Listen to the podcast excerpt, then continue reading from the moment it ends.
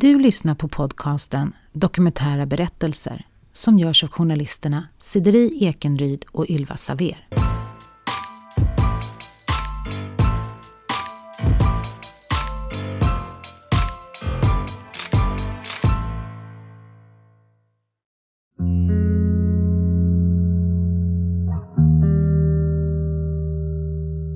Så, så gick det så himla snabbt innan han började med spice och han började med tabletter och då stoppade han inte i sig en tablett utan han snodde sin farmors tabletter och då var det liksom hela kartor med hennes mediciner.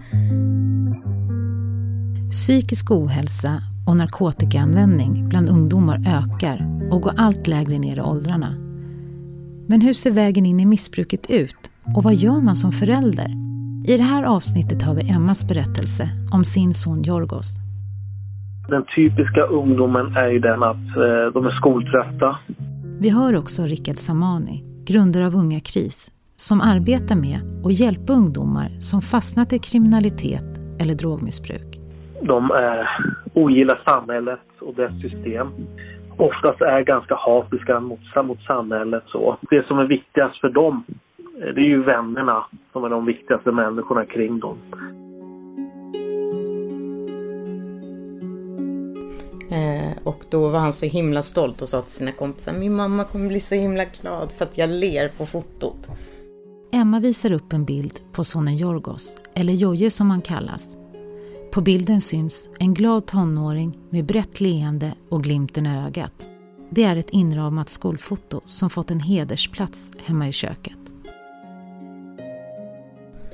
Först fick jag ju hans stora syster när jag var 19 precis. Och hon var ju så riktigt, men A-barn som man kallar det. Så hon var ju så himla lugn och snäll och... Och sen fick jag Jojje. som var första året väldigt så han gick och satt och sög på tummen jämt och skulle alltid vara på en. Eh, men sen blev han ju jätterastlös. Man såg liksom, han var rastlös i själen. Han var överallt och ingenstans. Men han var... Han var väldigt speciell. Några år efter att bilden togs skulle Emma helt ha tappat kontrollen över sin son. Lilla för att träna upp, värma upp fingrarna lite. Jag försöker riva sönder en katalog. Så tvingas sin flickvän att filma allting jämt. Vi ser en film på Jojje, inspelad med en mobilkamera. Han är klädd i slitna jeans och huvtröja. Enkla så som fetadol. Te. Sluta garva.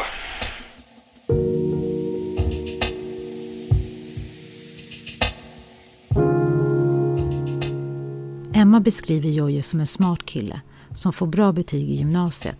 Men han hoppar av skolan på grund av drogerna. Nej, alltså jag fattade ju inte för att han var ju så himla mån om sig själv och sitt utseende och så, så att man tänkte alltid så här, han kommer aldrig börja röka eller göra någonting som är dåligt för hans kropp. För han var ju så intelligent också. Ehm, alltså han var verkligen en av de smartaste jag har träffat. Men man märkte att han blev mer, alltså dum, korkad efter han började. Det är oftast när det sker någon form av förändring hos unga människor. Rickard Samani igen, om kännetecken hos unga som missbrukar. Och det kan vara allt ifrån att de är morgontrötta, eh, ligger vakna om nätterna, eh, Kom inte hem vid avtalad tid, nya kompisar som man umgås med. Eh, det kanske går sämre i skolan. Det finns flera olika sådana här kännetecken som man behöver vara, vaksam till som förälder Mm. till de här kännetecknen. Men då eh, var det en jul när han var... Då hade han åkt fast med cannabis. Och det, då bodde han hos pappa. Så det kom ju till pappan då, polisen hörde av sig. Och pappan ville inte att jag skulle veta något precis vid jul. För att skydda mig liksom. Eh, men sen fick jag ju veta det. Jag berättade själv. Och, för det blev ju... Alltså han var ju tvungen att gå och lämna urinprover och så efter. Han blev ju dömd till det. Gå någon MOA-program på Lilla Maria. Eh, problemet med cannabis framför allt är att du oftast inte får konsekvenser sådär kort inpå du har tagit eller missbrukat det ett tag. Eh, just cannabis kan ju komma, alltså konsekvenserna utav, av, av det kan ju komma långt efter man har påbörjat sitt cannabismissbruk. Så det är ganska läskigt då på sätt och vis att man inte får den konsekvensen som man får av heroin till exempel eller amfetamin och så vidare.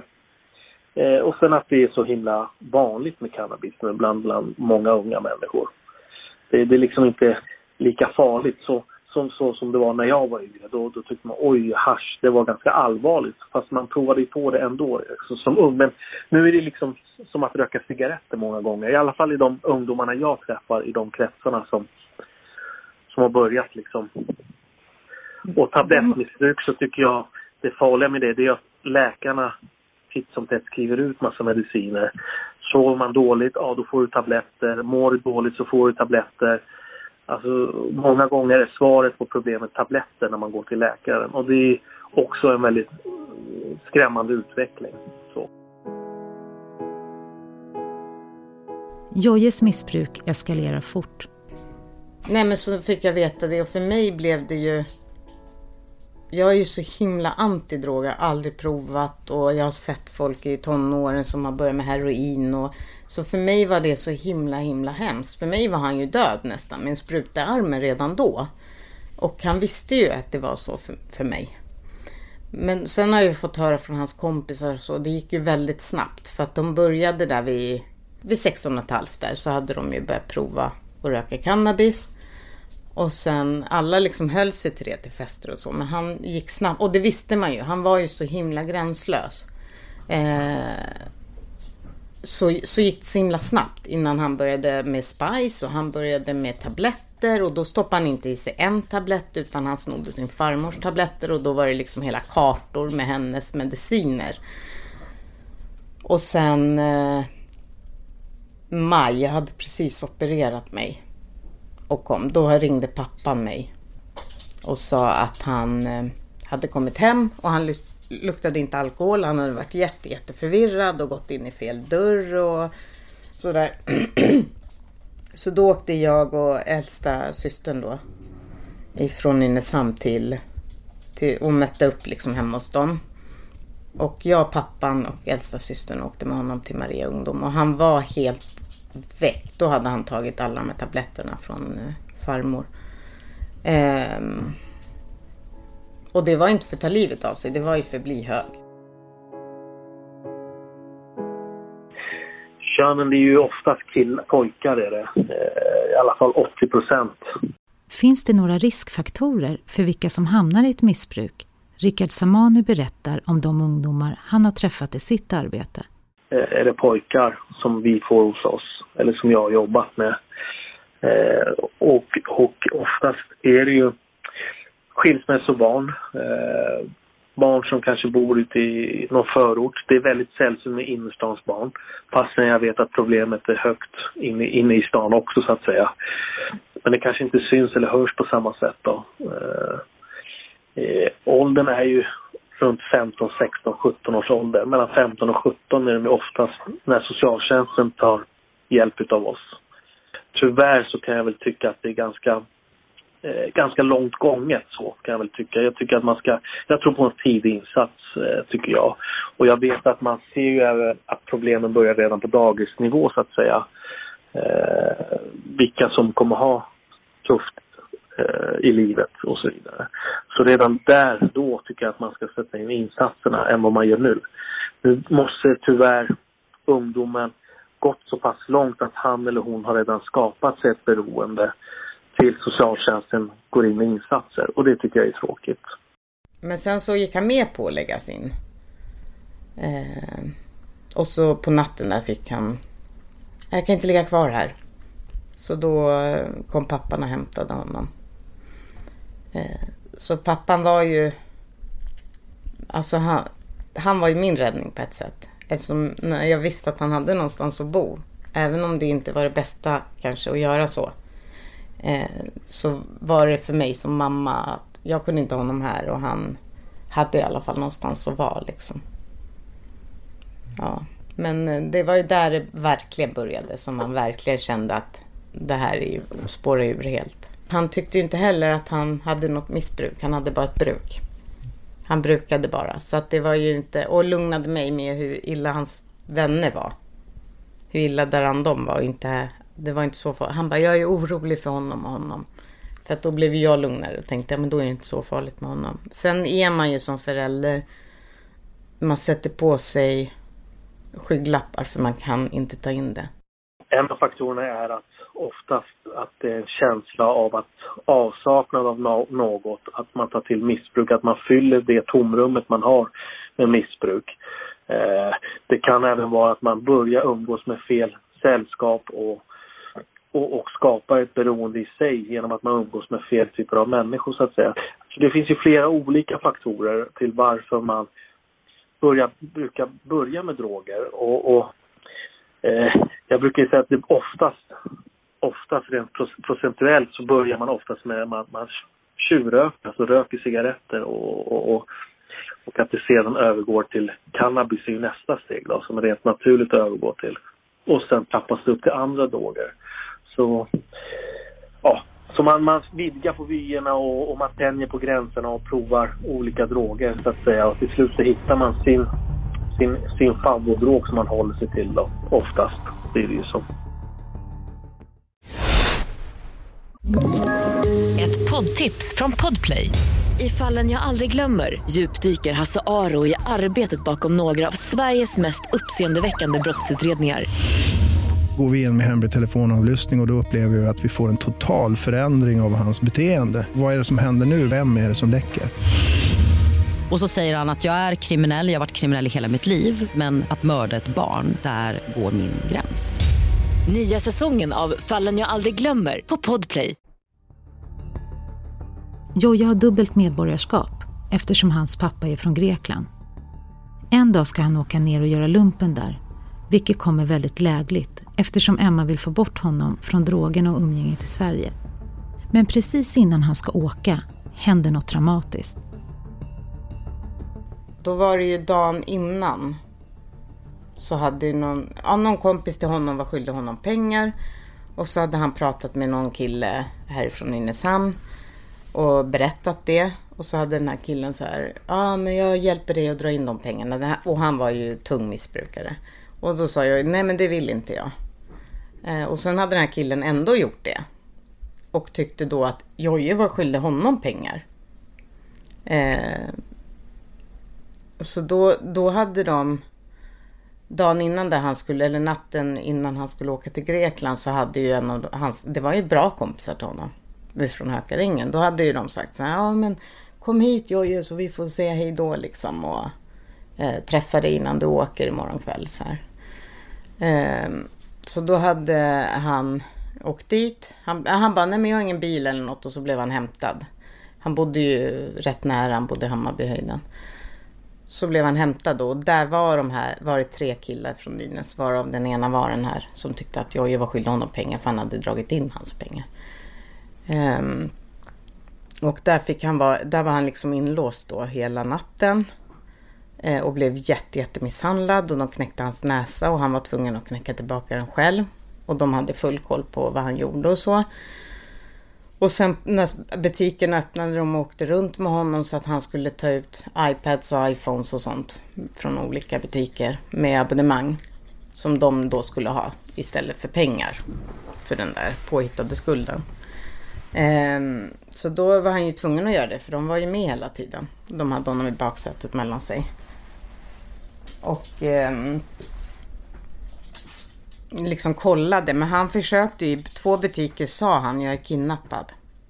Men de hörde ju inte. Det stod en kille precis liksom bakom honom. Så han kunde ju inte säga det högt.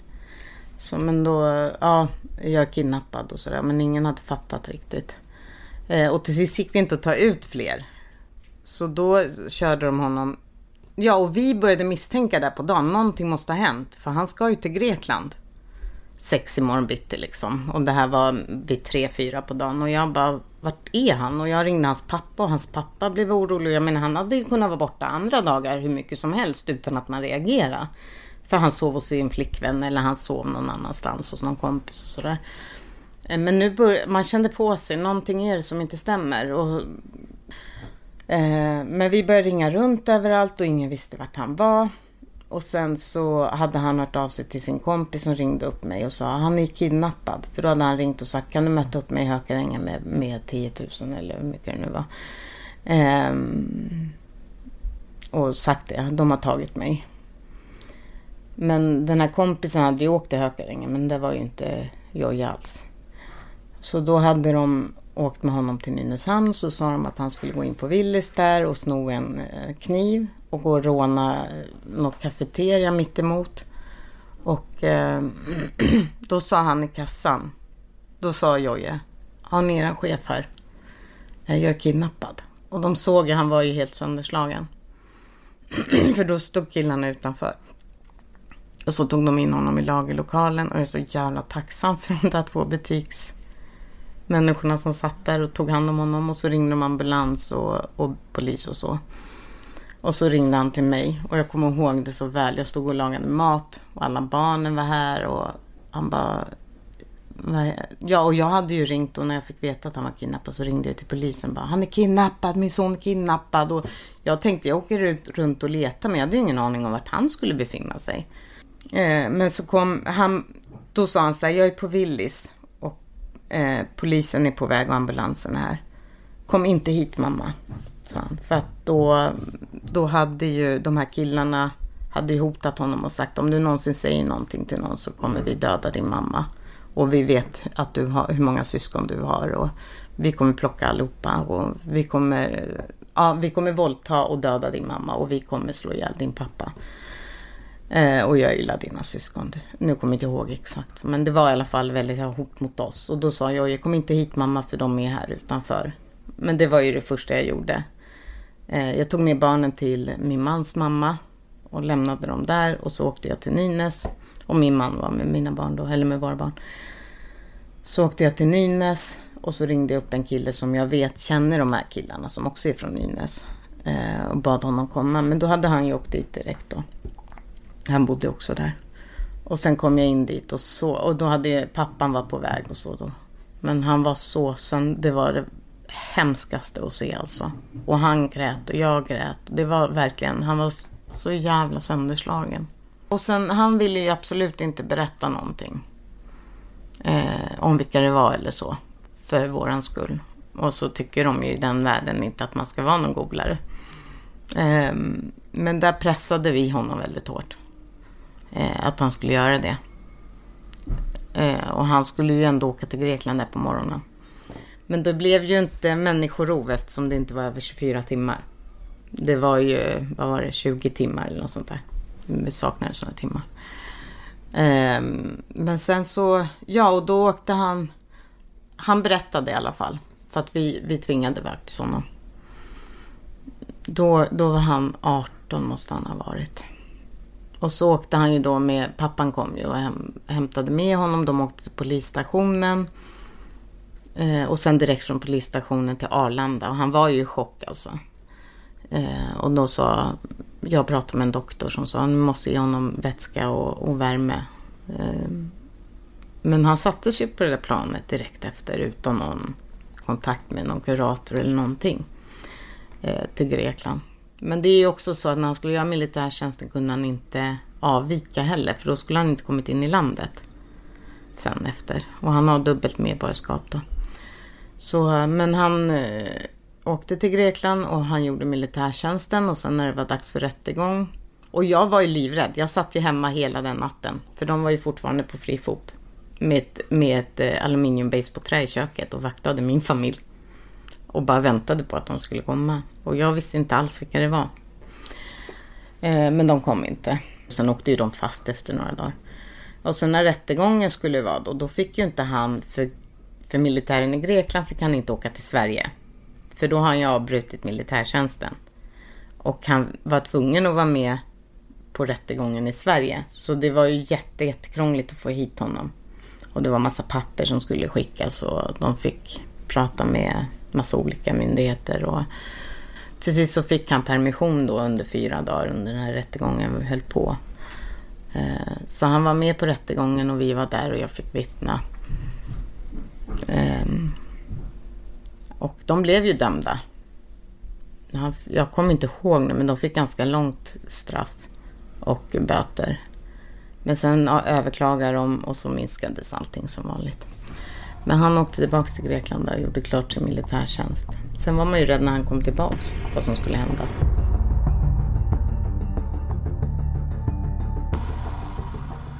Efter att Jojo kommit hem från militärtjänsten i Grekland fortsätter han med drogerna. Emma vill därför inte låta honom bo hos sig. Under en period bor han hos kompisar eller på gatan. Men till slut får han plats på ett stödboende. Så då bodde han där och det var ju tryggt. Men han höll nog på där också rätt mycket. Var kan jag tänka mig. Jag vet ju inte eftersom han inte sa något. Men där bodde han faktiskt ett tag. Och då gick det ju bättre. Men eh, ja. Sen fick han för sig att åka till Grekland och flytta dit. Och där spårade det Han åkte till Grekland, till Aten. Eh, där eh, han träffade upp en, en släkting som var, alltså var heroinist. Och det var ju det man alltid tänkte, han kommer sluta som heroinist. För han var så gränslös. Men, eh, och han, då försvann han och då var han ju skyldig folk pengar. Och pappan betalade in de här skulderna så att Jojje skulle kunna komma tillbaks då. Eller ja, att inte ha skulderna, när han kom tillbaks. Eh, och under den här tiden när han var i Grekland, det var ju bara några veckor, en månad kanske. Då, då flyttade pappa till Grekland, men till en helt annan stad. Eh, och det här var maj 2014. April till maj bodde han i Grekland. Och så skriver han till mig att vi satt och chattade.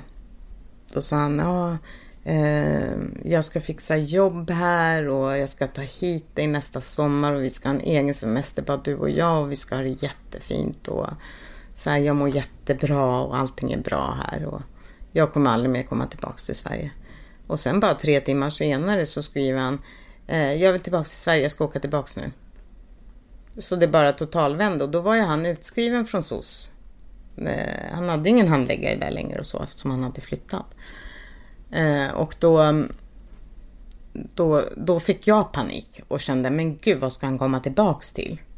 Och pappa bor inte här längre. Då var ju jag enda alternativet för honom. Eller Maria Ungdom då. Eh, och jag bara, ja men vi får prata lite senare om det här. Jag, jag måste ordna upp saker. För i sådana fall om du ska komma tillbaks då ska du läggas in och du ska ha en kontakt på, på social socialtjänsten eh, i Johanneshov och du ska läggas in på Maria Ungdom frivilligt för avgiftning. Och så då gick han med på det.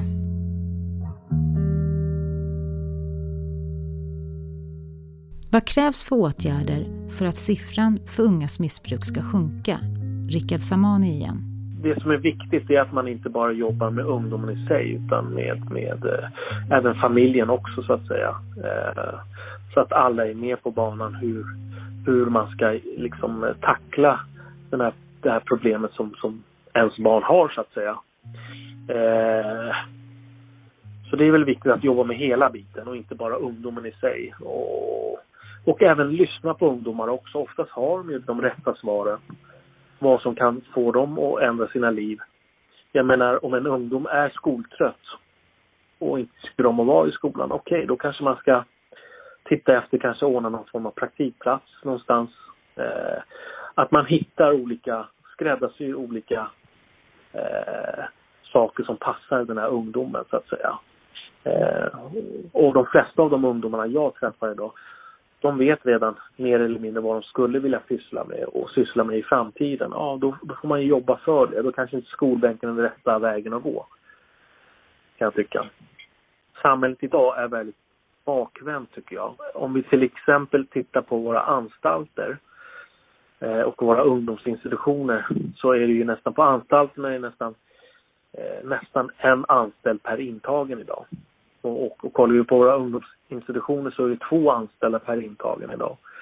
Eh, det jag menar är att samhället slösar och kastar ut väldigt mycket pengar när, när problemen är väldigt stora så att säga. Och det är det jag skulle vilja ändra på, att man går in med resurser väldigt tidigt så att säga, innan det har utvecklats till såna, så pass stora problem som, som beroende och kriminalitet och, ja, och så vidare.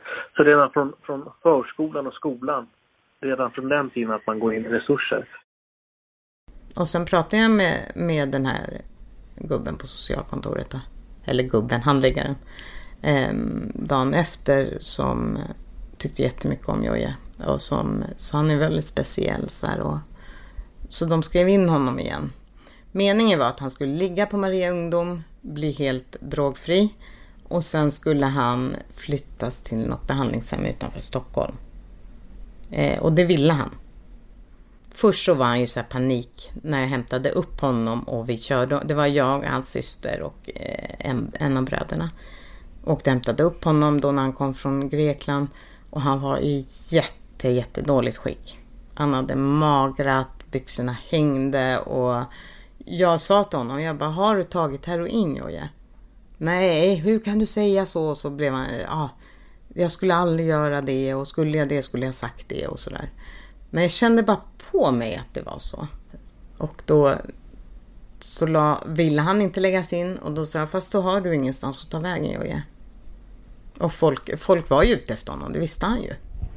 Så han lades in i alla fall och eh, låg inne i två veckor. Och vi var där jätte, jätte ofta och han var så himla fin och han gick upp i vikt och det var verkligen fantastiskt. Och då så sa han att ja ah, men jag, eh, jag har sökt till folkhögskola eh, i vart det nu var, Linköping eller något sånt där. Och gud vad kul och jag verkligen pushade honom och han kom in i den här skolan och skulle börja i augusti. Eh, så det var ju verkligen så här någon framtidstro. Och han bara, men jag kommer ju aldrig kunna ordna ett bra liv för jag har kronofogdskulder och det. Jag bara, fast det kan vi hjälpas åt med och det, det är liksom inte så att ditt liv är slut för det. Och, men sen när han kom ut och då hade de ju inget behandlingshem så länge någonstans utanför Stockholm. Eh, som fanns platser på. Om inte han var LVM eller LVVAD. Och det var han ju inte. Han hade ju frivillig vård. Så då satte de honom på ett lågtröskelboende som betyder att han, hade, han var helt fri egentligen på Östermalm. Jag menar mitt i stan, det är ju... Ja, och då var han ju faktiskt fin och vi träffades och så. Eh, i en och en halv vecka där ute. Och sen kom hans, den här släktingen från Grekland kom till Sverige.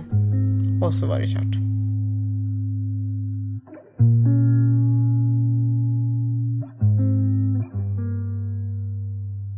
Du har lyssnat på del 1 av Drogerna tog min son. I nästa avsnitt. Och sen... Alltså Jojje var en intelligent kille och han... Missbrukare vet hur mycket de kan ta och inte ta. Eh, och han eh, hade tagit... Från den här kvinnan hade han tagit två flaskor metadon och massor med tabletter. Och vad jag vet så får heroinister när de ska sluta, alltså få metadon så tar de en kork eller vad det är och han drack två hela flaskor.